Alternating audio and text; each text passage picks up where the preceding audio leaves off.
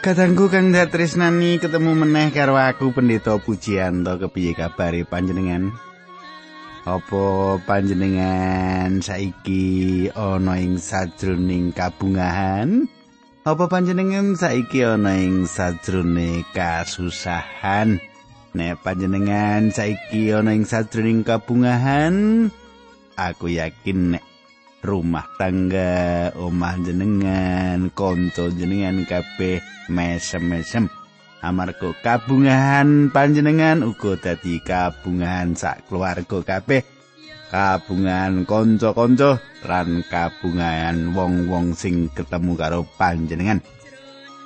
Nek katangku ana ing patemon iki muga-muga panjenengan isih sugih esem kanthi mangkono panjenengan dadi wong kang ndudut ati. Nah katangku kaya padatan aku pendeta pujianto bebarengan karo panjenengan ana ing sadroning adicara margi utami adicara kang ngajari nambahi kawruh babagan kawruh karohanen kita. Nah katangku ayo nyerak karo aku iki nih sugeng midhangetake adicara iki.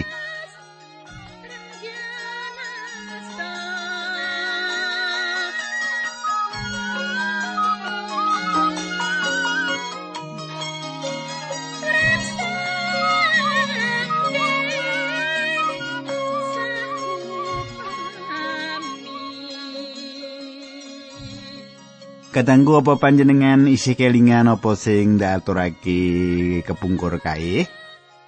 Apa panjenengan kelingan kadangku? Nggih, Pak. Kula kemutan, Pak. Iya. Iya panjen kudu mengkono ya, nek diulang, dikutbahi nang gereja kudu kelingan. Awit kuwi dadi pepiling anggon kita duwe patrap urip ana ing jagat iki mengkono. Nah, Kadangku ya becik wae nek tak ringkes apa sing wis tak aturake karo panjenengan nalika patemon kita kepungkur.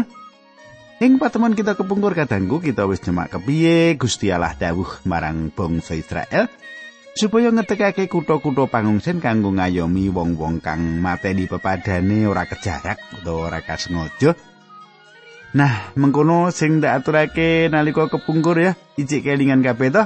Ngendi-endi kutha-kutha sing dadi papan pangungsen. Nah, kitab Yosua meratelake apa meneh? Kita bakal nyemak dina iki nanging sadurunge kuwi becik menawa kita ndedonga dhisik. Duh Kanjeng Rama ingkang ada dampar wonten kraton ing kasuwargan. Kawula ngaturaken kenging panuwun menawi wekdal menika kawula saged tetunggilan kalian sederek-sederek kawula ingkang setya tuhu midhangetaken ati cara menika. Kawula bingah menawi sedherek kawula ingkang midhangetaken adicara menika wonten ing kahanan ingkang bingah, kahanan ingkang tansah rumaos dipun berkahi dening Gusti. Makaten kawula nyuwun supados berkah paduka rasa ayem ingkang paduka paringaken tansah ngalimputi sederek-sederek kawula ingkang setya tuhu midhangetaken adicara menika.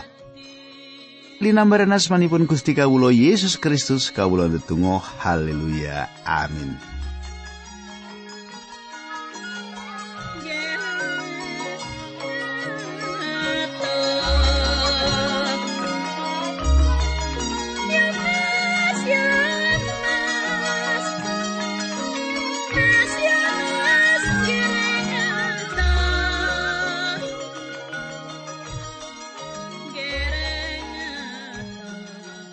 Kadangku kang dak tresnani kita terusake pasinaon kita saiki wis ngancik kitab Yosua bab selikur.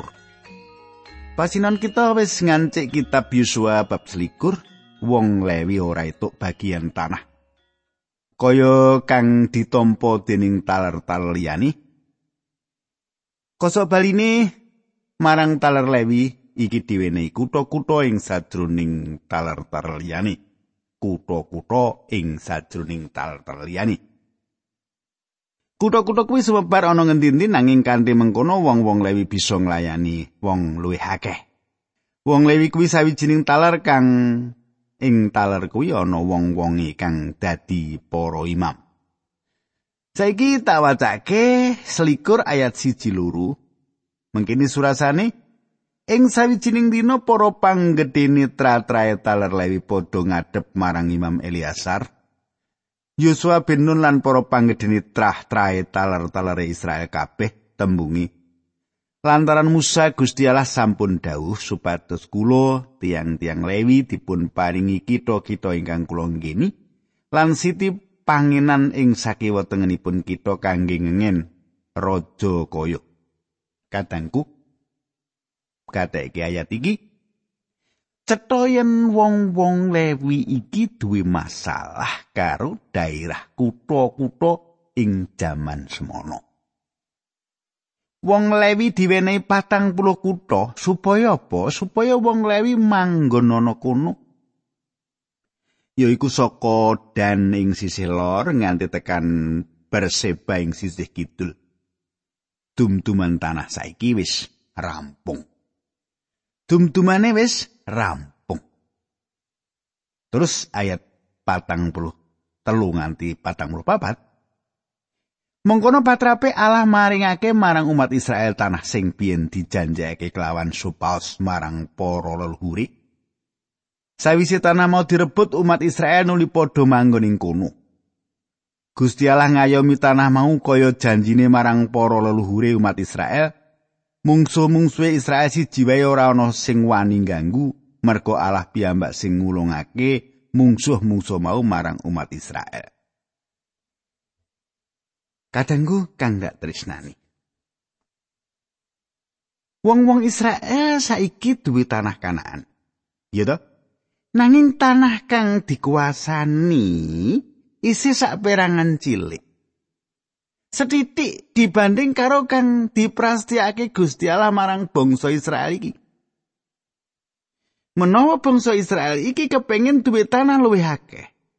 Kepengin duwe tanah luwih ombo. Mula bangsa iki kudu lunga lan ngrebut tanah kuwi.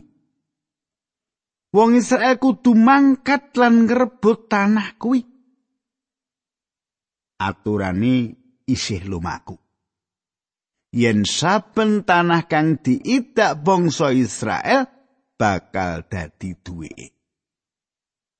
Nanging katangku. Nanging tanah kang saiki dadi duweke bangsa Israel iku bebas saka mungsu lan bangsa Israel bisa ngrasakake ayem. Rasa ayem kanggone kita yaiku panebusan. Bener? Panebusan iki sawijining rasa ayem kang banget kita butuhake. Kita urip ing jaman kang kebak kisruh.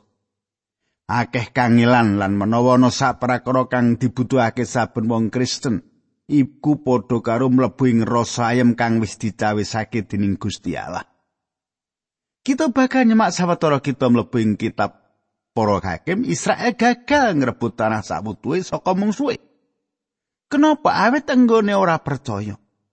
Malah Yosua ora bisa menehi sisa tanah iku kang dibutuhake bangsa Israel, awet bangsa Israel ora percaya marang Gusti Allah lan ngakoni panguasani. Kadangku priyayi kang nulis kitab Ibrani ngelingake kita bab gagale Israel kang terus-terusan. Kepriye panjenengan lan aku bisa mlebu ing kalegan? Kanthi iman lan iku siji-sijine dalan. Kepriye panjenengan lan aku bisa mlebu ing kaayeman kalegan kanthi iman lan iman iku siji-sijine dalan. Nalika Sang Kristus isih sugeng, nalika Sang Kristus isih sugeng, sugeng ana ing jagat karpu Nalika bangsa Israel nampik Gusti Yesus dadi jejering raja, lan Gusti Yesus nampik kutha-kuthane. Gusti Yesus maringi uleman pribadi kang isih kelakon nganti tekan saiki. Ngasti isih dilakokake. Isih kanggo teko saiki. Kaya kang dina sing Injil Matius 11 ayat 12 padha mrene. Kuwi sing padha sayah merga mikul abot. Kuwi bakal ndak parengake ngaso. Ngaso utawa ayem ing basa standar. Yaiku rasa ayem awit anggone nampa panebusan. Rasa ayem awit anggone nampa panebusan. Saiki ing sadroning Yosua selikur wong Israel wis mlebu ing sadroning kahanan ayem paling ora kanggo sawetara kang wis dicawisake dening Gusti Allah kanggo bangsa Israel. Kaya ngapa rumangsa bejane sawise ngumbara adoh lan marakake ora jenjem ana ora samun lan tansah ngadapi peperangan kanggo ngrebut tanahe mungsuhe. Saiki wis bisa manggon ing tanahe dheweke. Wis manggon tanahe dhewe. Kaya ngapa anggone ngedek-edeki ati supaya bisa manggon lan mangan woh hasil tanah mau. Katanggu ora krasa saiki ngancik Yusua rolikur. Panjenengan mesine isi eling loro setengah taler ora njupuk warisane ing tanah kuwi bebarengan karo taler-taler liyane. Taler-taler mau tetep manggon ning sisih wetan kali Yarden, taler-taler mau bisa itu warisan kang dikarpake mung yen taler-taler mau gelem ngirimake prajurit ing sadurung tanah perjanjian supaya nulungi sedulur-sedulure supaya bisa manggoni tanah perjanjian.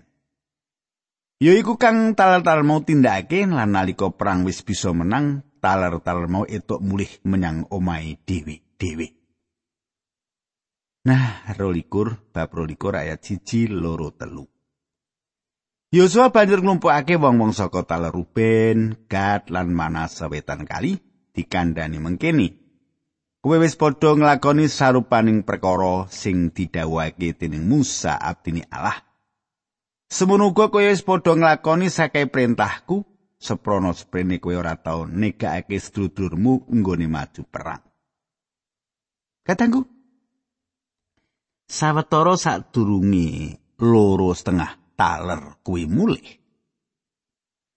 Yusua nimbali taler-taler mau bebarengan lan muji atas tugas kang wis ditindakake kanthi apik. Yusua kondo marang taler-taler mau yen taler-taler mau wis nindakake tugas kang apik yaiku nulungi sedulur-sedulure. Sebanjure Yusua mene pemut. Coba panjenengan katik ayat 5. Nanging deling Kowe padha nglakonana dawuh-dawuh sing diparingake dening Musa, ya kuwi tresnawa marang Allahmu. Estokno kersane lakonana dawuh-dawuh sing setya nggonmu ngabdi marang panjenengani kanthi ati sing mantep. Katengku, panjenengan gatekake kene taler-taler iki dielingake. Senadyan taler-taler mau milih lan manggon ning sisih kang salah saka kali Yarden, Nanging tal-taler mau tetep isih kudu bangun turut karo paugerane Musa. Sawise Yusua ngilingake loro setengah suku iki kegayutan tugas lan kewajibane, Yusua ngejarake loro setengah taler mau bali kanthi diwenehi berkah. Saiki ayat 6. Sawise mengkono Yosua banjur mujakake slamet wong-wong saka taler-taler Ruben, Gad lan Manase wetan kali padha mulih menyang wilayahe dewi-dewi. Panjenengan katakake loro setengah taler iku bali ing daerah. Nah ayat 10 nalika taler Ruben, Gad lan Manase wetan kali tekan Gelilot, dadi ana sisih kulone kali Yarden padha ngedekake mesbeh gedhe dhuwur ing sak pinggiring kali mau. Kadangku kang dak tresnane cetha katon ing kene yen loro setengah taler iku mbangun mesbeh ana ing sisih kulon kali Yarden. Ing sawijining mesbeh kang gedhe wangunane. Iki sawijining pratela kang aneh. Iki atekesian mesbeh iki bisa dideleng saka kaduhan. Iku sawijining wangunan kang katon nggumunake. Para ahli kitab suci goleki tilase. Mesbeh iku ing sisih wetan kali Yarden. Nanging pungkasane ana arkeolog kang nemokake tilase ing sisih kulon Kaliaden lan isih ana nganti tekan seprene kang papane ana pangginan kang mencungul sawijining mesbeh kang gumunake. Loro setengah taler kuwi mbangun monumen iki ngilingake loro taler mau sawijining prakara. Nalika wong-wong Israel liyane krungu apa kang wis taler mau tindake, wong-wong Israel dadi nesu lan kumpul ana ing Silo. Saiki tak teruske ayat 13. Bareng wong Israel padha krungu pawarta mau banjur padha nglumpuk ing Silo arep ngalang-alangi niate taler-taler Israel sing manggon ing sawetani kaliyaden. Kadangku wong-wong Israel liyane percaya yen loro setengah taler iku lagi mbangun mespeh ngendi loro setengah taler mau misungsungake korban hubungan. Lulus tengah taler mau duwe pikiran yen iku ditindakake minangka pambudidaya ngocar-acir bangsa mau. Kleru tompo. Saiki ayat 16 tekan 17. Banjur padha kandha mengkene ya gene kowe nindakake duraka ing ngarsane ala Israel srana nggon mengedekake mespeh kuwi kowe apa ora padha mrontak marang Allah merga ora netepi dawuhe Apa kowe wis padha lali karo dosa sing kita alami biyen ing peor? Nalika semono kita rak dihukum dening Allah srana pagebluk. Senajan kita iki umat kagungane, tekan seprene kita ora isih mikul oleh-olehane, apa kuwi durung cukup? Panjenengan gatek iki katengku. Wong-wong Israel ndak woloro setengah taler iku mbangun mespeh kanggo manembah Baal. Wong-wong Israel eling nalika Biliam dadi jalaran Israel tiba ing sajroning dosa kanthi ngrimuk wong Israel ngepek bojo wong wadon Moab lan nindakake jina secara kasukman. Nalika iku Gusti Allah paring paukuman marang wong-wong mau kanthi kejem lan wong-wong mau wedi prakara kuwi bakal nempuh wong-wong mau meneh. Nanging loro setengah taler mau menehi keterangan kang apik atas apa kang wis ditindakke. Coba panjenengan gatekke ya. Ayat selikur teko telulikur. Taler Ruben katlan mana sawetan kali banjur mangsuli marang para panggedene taler-taler Israel saka kulon kali mengkini. Sing moho kuwasa kuwi jumeneng Allah. Panjenengane kuwi Allah. Panjenengane perso sebab-sebabe aku padha tumindak mengkono lan aku kepengin kowe kabeh ya padha ngerti yo. Saumpama nggonku nglakoni mengkono mau mergo arep mbangkang marang Allah utawa mergo ora percaya maneh marang panjenengane aku paten ana wae saiki uga. Yen nggonku padha ya semesthe iki nerak dawuh Allah mergo arep ndak nggo saus kurban obongan utawa kurban daharan. Utawa kurban keselamatan karben Gusti Allah piyambak sing ngukum aku. Kadangku panjenengan gateake. Kasunyatane loro setengah taler kuwi durung bangun mespeh kanggo misungsungake kurban. Mespeh iku mung dadi pemut yen wong-wong mau isih kalebu bangsa Israel. Bisa wae iku sawijining wangunan mesbeh ing kemah suci kang ukurane luwih gedhe. Nanging iku dudu kang dikarepake kanggo misungsungake kurban ayat pakikur nanging ora sedulur-sedulur. Ora mengkono karepku Nggon kuwi asa mespe iki mergo aku padha kuwatir mbok menawa besok anak turunmu bakal kondo mengkene karo anak turunku. Kowe padha melu-melu apa karo pangeran ala Israel? Kadangku loro setengah suku iki ngandhakake apa anane bab enggone mbangun mesbeh. Lan songo setengah taler liyane padha nampa apa kang dadi keterangane Ayat 31. Pinahas anak Imam Eliasar banjur kondo karo wong-wong talar Ruben kat mana sawetan kali mengkini. Saiki aku ngerti yen Allah bakal nganti marang kita mergo kowe padha rambangkang kowe wis padha nyelametake umat Israel saka paukumane Allah. Kadangku wong-wong Israel sadar sadar yen apa kang ditindakake kuwi kesusu. Kebanjur ndak wo loro setengah taler mau. Apa kang ditindakake wong Israel iki ngilingake aku sawetara ing antarané kita kang kala-kala rada kesusu. Kala-kala nek enek apa-apa rada kesusu. kita kondo lan nindakake bab-bab kang kudune ora dikandhakake lan ora ditindakake lan kita kandi jujur duwe pikiran yen kita lagi mbela pangandikane Allah kang sejatine ora kaya mengkono. Wong-wong Israel nindakake sawijining kaluputan nganti nekani sedulur-dulure kanthi pikiran perang. Apa panjenengan tau mengkono? Kesusu? Urung bong urung dong urung jelas urung cetha ujug-ujug wis nindakake sikap. Ana gereja. Yen ujug-ujug rapat wah rapat lengkap kabeh komisi kabeh dijak rapat ngerembuk Pak Pendeta jari selingkuh kamangka Pak Pendeta kuwi ngeterke warga jemaate sing lagi loro bengi-bengi. Lah wong majelis ditelpuni ora ana sing gelem ngeterke nang penditane ngeterke malah dirapatake jare pacaran. Eh, kesusu. Iya. ya pancen terbukti ya memang ibu kuwi ditumpake mobil yang rumah sakit. Lah wong kakungi lagi nyambut geneng jaban rangkah.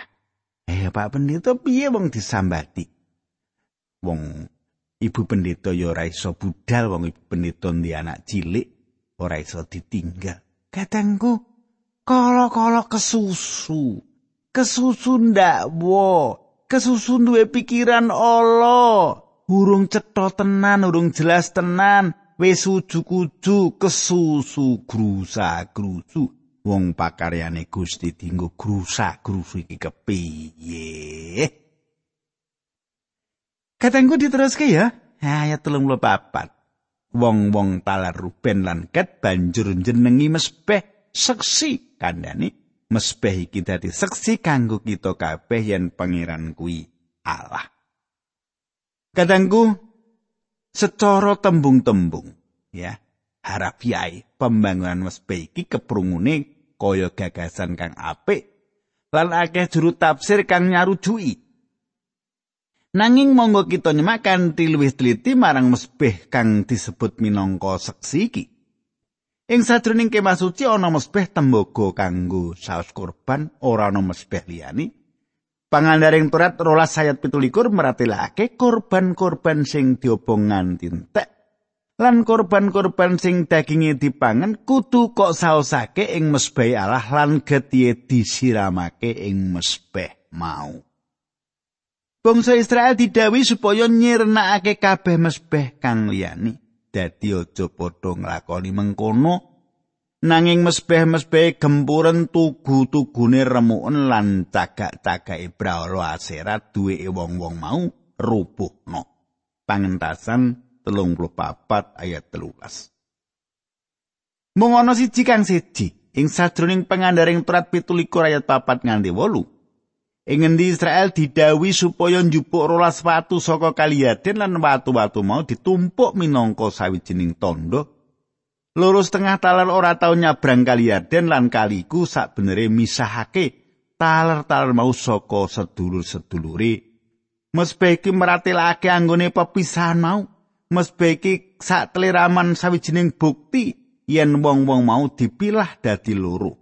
Ing wektu kuwi loro setengah taler lumawan songo setengah taler nanging sebanjuri bakal ana pisah-pisahan meneh yaiku ing sisih lor 10 suku lumawan loro suku kang manggon ana ing sisih kidul Katangku mesbeh tembaga ing sadroning kemah suci nggambarake pakaryan panebusi Sang Kristus sawijining papan manunggal. Aku bisa ketemu karo sapa wae kang ngluhurake Gusti Yesus Kristus. Ing sadroning Yohanes pitulas ayat rong puluh nganti selikur Gusti Yesus ndedonga.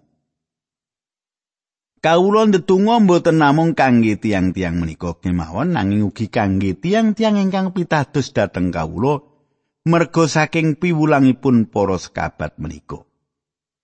Panyuwun kawula supados sedaya tiang pitados menika dados setunggal. Kados dene paduka kalian kawula menika setunggal. Sarta kawula kalian paduka ugi setunggal mugi sami dadosa setunggal supados jagat menika pitados bilih paduka ingkang ngutus kawula katangku ana sawijining kamanunggalan minangka gegilitan saka wong-wong kang ana ing sajroning Sang Kristus. Mesbeh meratelake bab sedani Sang Kristus kang minangka kurban. Kadangku sawetara loro setengah taler mangun mesbeh kang ora ngetokake getih kang misahake Israel dadi loro. Jaman saiki wong-wong kang nganut paham teologi liberalisme wis mecah gereja. Wong-wong liberal ndakwa, wong-wong fundamentalis patrape mecah belah. Nanging sabenere malah golongan liberal kang wis ninggalake salib lan sifat kealahane Sang Kristus. Wong-wong ora seneng mesbeh kang gubak getih. Wong-wong mau menehi jeneng mesbeh seksi. Wong-wong mau ngibadah ing mesbeh kang ora ana kurban kang dipisungsungake. Wong-wong mau duwe Sang Kristus kang ora mawa getih kaya loro setengah taler. Laku jandrane mratelake yen wong-wong mau wis ninggalake kayekten. Ing sadurunge Matius 7:16 Gusti kita ngendika, "Ketitike wong-wong mau saka penggawini." Sawetara atusan taun sebanjure Gusti Yesus nyabrang telaga Galilea lan nganti tekan daerah kang disebut Gadara. Wong-wong kang urip ing kono yaiku saka Talergat lan wong-wong mau isih urip ing sisih kang salah saka Kali Yordan. Gusti Yesus ketemu karo wong kang dipanjingi setan kang manggon ana ing kuburan lan panjenengane nundung setan-setan mau saka wong iku lan menehi idi marang setan-setan mau mlebu babi-babi kang ana ing cerak kono. Talergat wis gagal bangun turut dawu-dawe Allah. Wong-wong mau urip ing sisih kang salah saka Kali Yordan liberalisme bener-bener wis mecah gereja. Golongan iki wis ngetekake mesbeh kang indah. Sang Kristus kang ora mawa getih. Kristus iku sabener ora tau sugeng. Dewe ora tau duwe sifat kealahan. Dewe kang ora duwe panguwasa kanggo nyelametake manungsa. Apa panjenengan wis nyabrang kali Yarden?